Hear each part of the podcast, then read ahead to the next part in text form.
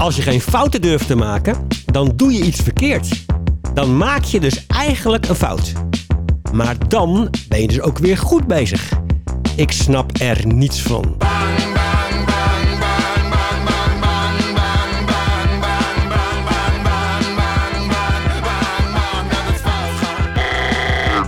Ik heet Remco van de Drift en ben directeur van het Instituut voor Faalkunde. In deze podcast laat ik met mijn collega faalkundigen mensen aan het woord die open durven te zijn over hun fouten. Om jou te inspireren ook meer open te staan voor faalervaringen. Voor minder perfectiestress en meer foutenmaakmoed. De muziek in de Faalkunde podcast is van Mark Lotterman.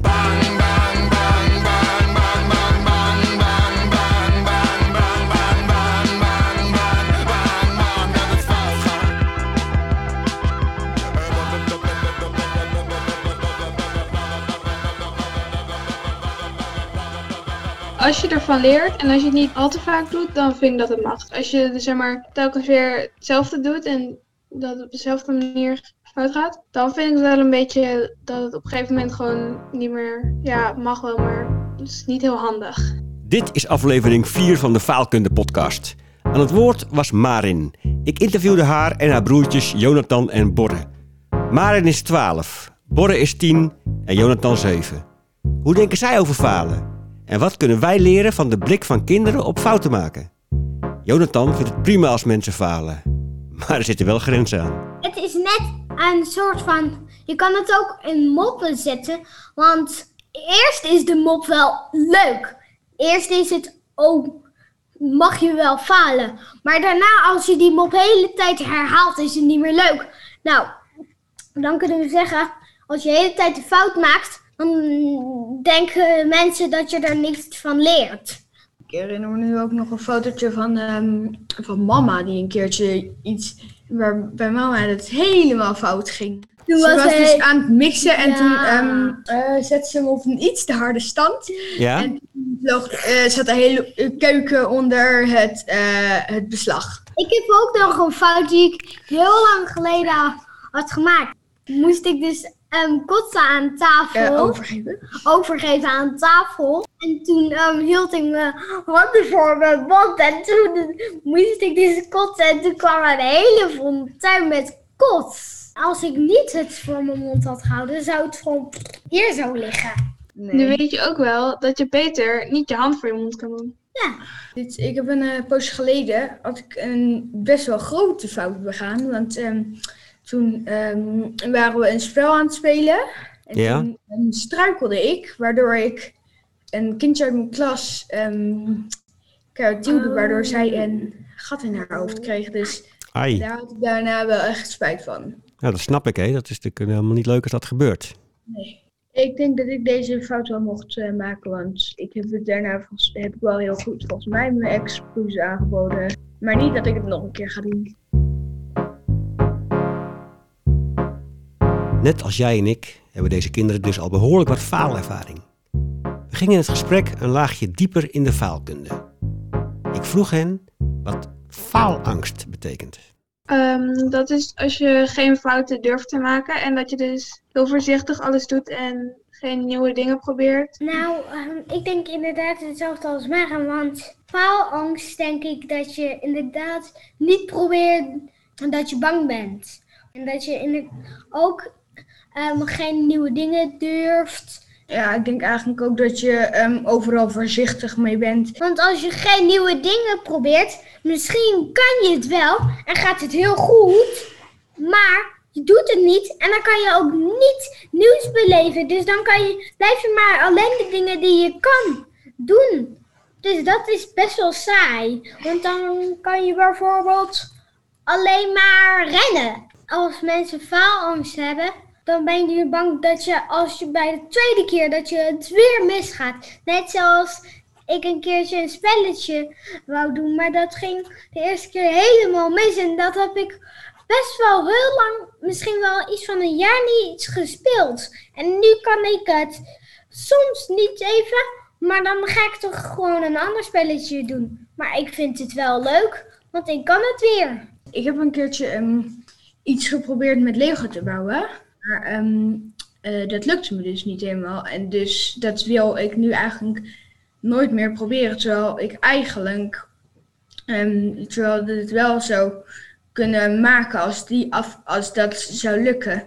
Dat ik dan aan een soort van Lego-programma zou mee mogen doen. Dus een soort, of een Lego-wedstrijd of zo. Ja, toen, ehm, toen heb ik bedacht, ja, ik ga dit nooit meer doen. Maar eigenlijk weet ik niet of dat zo slim was. Want ik heb nu iets heel anders om kans te maken op die wedstrijd. Maar, ehm, maar ik ben dus eigenlijk bang dat het me weer niet lukt. En dat ik dan bijvoorbeeld iets ervan helemaal verprutst, waardoor het um, niet goed in elkaar komt te zitten. Bijvoorbeeld, um, nou ja, dat ik bijvoorbeeld het ene, het ene blokje iets hard op de andere duw, waardoor de andere als een soort van katapultreactie uh, door de lucht vliegt.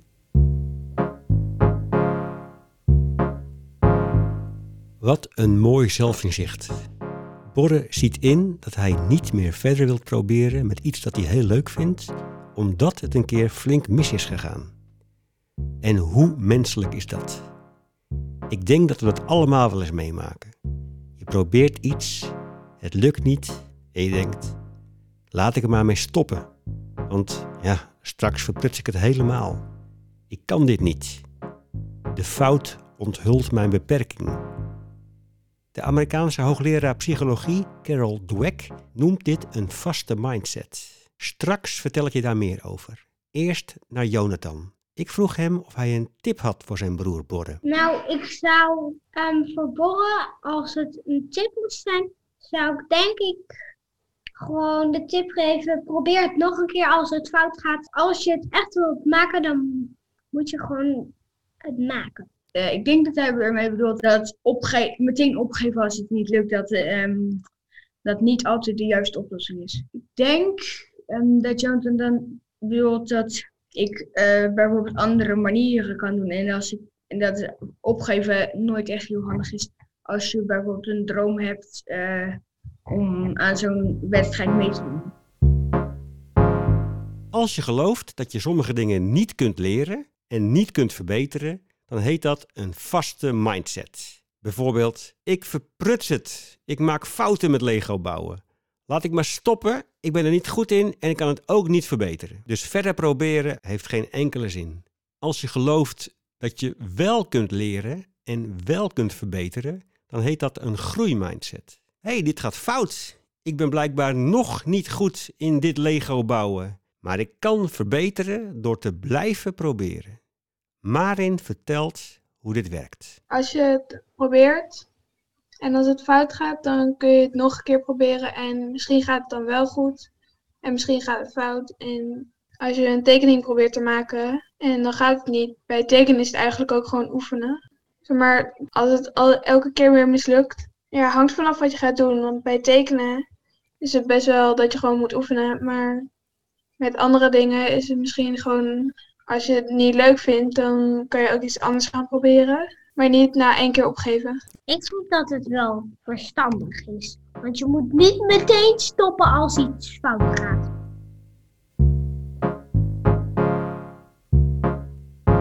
Dus als je gelooft dat je kunt verbeteren en leren, dan heb je een groeimindset. En dan zijn fouten eigenlijk goed. Ze helpen je om dingen opnieuw te proberen, om door te gaan met leren. Als fouten dan goed zijn, hoe zou het dan zijn om in een wereld te leven zonder fouten? Ik denk, want um, zeg, fouten maken moet, dat vind ik wel. Want, want zonder fouten zou de wereld eigenlijk perfect zijn. En um, ik vind perfect vind ik niet goed. Want perfect hoe kan ik dit uitleggen? Nou, perfect Probeer maar. Is, is, is eigenlijk gewoon een beetje beetje precies. Als het heel perfect zou zijn, zou het mooi zijn, maar ook uiteindelijk saai. Je komt nooit wat lelijks tegen. En lelijk, ja, is nu misschien niet zo mooi, maar ja, alleen maar mooi is ook niet zo uh, goed, vind ik. Fouten zijn dus best mooi voor onze wereld. Zou het dan ook niet mooi zijn om kinderen te leren om fouten te maken? Ik vroeg hen hoe een les fouten maken op school eruit zou moeten zien. Als ik heel hard ehm, bijvoorbeeld ehm, precies een eh, blokje wil tekenen, bijvoorbeeld, hè, dan ehm, zou ik zeggen, dan ben ik er heel op gefocust en dan gaat het fout. Maar als je gewoon doet, gewoon streep, streep, streep, streep, misschien gaat dat veel beter. Ja, dus dat je wat, eigenlijk wat losser eh, leert worden eigenlijk. Ja, Eh, ja, ik denk dat ze zouden zeggen, ehm, probeer zo eh, mooi mogelijk te tekenen en dan gaat het uit, ehm, uitermate fout waarschijnlijk. Dus eh, een beetje als Jonton zegt, dus dat ze dan zeggen, teken expres iets verkeerd. Eh, en dan gaan, gaan andere mensen over oordelen en dan zouden ze vragen, en hoe vind je dat dan eigenlijk? Dat ze dat soort vragen gaan stellen. Dan leer je ook een beetje dat ehm, eh, voelen te voelen. ehm, hoe het is om iets fout te doen. En dat je dan ook leert, ja, dat denk ik eigenlijk. Dat je bijvoorbeeld in een andere les ehm, leert hoe je met fouten om kan gaan. Dat sommige fouten eigenlijk niet zo erg zijn als dat ze lijken. Ik denk dat je zou bespreken wat fouten zijn. En fouten gaat bespreken die je zelf hebt gemaakt. En dat je dan gaat zeggen wat er fout aan ging. En dat je ook gaat zeggen wat er goed aan ging. Dus wat de voordelen dus van zijn. En ja, dat je leert dat het niet erg is. Nou, dat sommige fouten niet erg zijn. Tot slot vertelden Borre en Marin mij nog dat het ook fijn kan zijn om soms gewoon te lachen om fouten. En ze hadden allebei daar een mooi voorbeeld van. Laatst had ik dus ehm, lager handschoenen op mijn kamer en van Jonathan. En ik dacht, haha, ik ga even een grapje halen. En gooi de handschoenen van de kamer naar beneden, naar buiten. En toen, ehm, maar ik was zo vergeten dat hier zo bij ons voor, ehm, ik gooide hem dus over het, dak heen. ehm, over mama en papa's kamer, maar ik was vergeten dat wij ook nog een afdakje hadden. Dus daar was hij toen op beland. Niet alle fouten zijn leuk, maar ehm, van fouten kun je altijd leren. Maar om fouten kun je ook altijd wel lachen soms. We hadden dus een oefen en zo. En eh, ik en mijn vader, ja, we husselen altijd twee letters. Dus andersom uit is dan andersom praten. En ik had dus die oefentoets. En het antwoord op een vraag was ehm volgens mij zaadhaatje. En ik had dus opgeschreven stuithaatje. en daar kwam ik pas bij het nakijken achter. dus dat was wel grappig. Ja, ik vind het wel leuk gewoon om te lachen überhaupt. En als je erom kan lachen, is het dus denk ik minder erg. En dat maakt je fout ook minder erg. Van lachen, bij, als je lacht dan vind je iets grappigs. En dan, dan is het dus niet heel erg. Er wordt er wat lichter van. Ja, want lachen is niet helemaal altijd even fijn. Want als je wil drinken en dan moet je lachen, zit de hele tafel twee seconden later onder water. Nou, fouten maken moet. Toet toet! De Faalkunde podcast wordt gemaakt door mij, Remco van de Drift. Samen met een aantal collega's van het Instituut voor Faalkunde, Frank Kuppers, Saakje Bakker, Richard Roling, Maaika Ment en Nienke Cinema. De muziek is van Mark Lotterman. Grote dank ook aan alle faalverhaaldelers, want zonder hen natuurlijk geen Faalkunde podcast. En durf jij het ook aan om hier een faalverhaal te delen? Geef je dan op door een mail te sturen naar info.instituutvoorfaalkunde.nl en als je blij bent met deze Faalkunde podcast, laat dan een review achter. Zo help je ons om gevonden te worden door nieuwe luisteraars. En draag je bij aan een faalkundigere wereld met minder angst om te falen.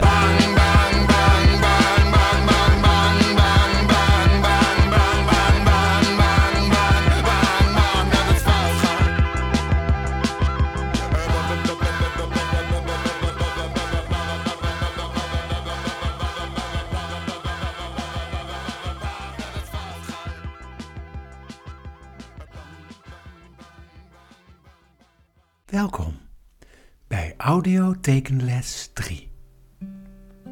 Pak je pen en papier er maar bij. Ga er lekker voor zitten. Zoals je van ons gewend bent, delen we de tekening op in kleine stapjes, zodat het maken van fouten tot een minimum beperkt wordt. Begin met een lijn van boven naar beneden. Goed zo. Teken nu een kortere horizontale lijn.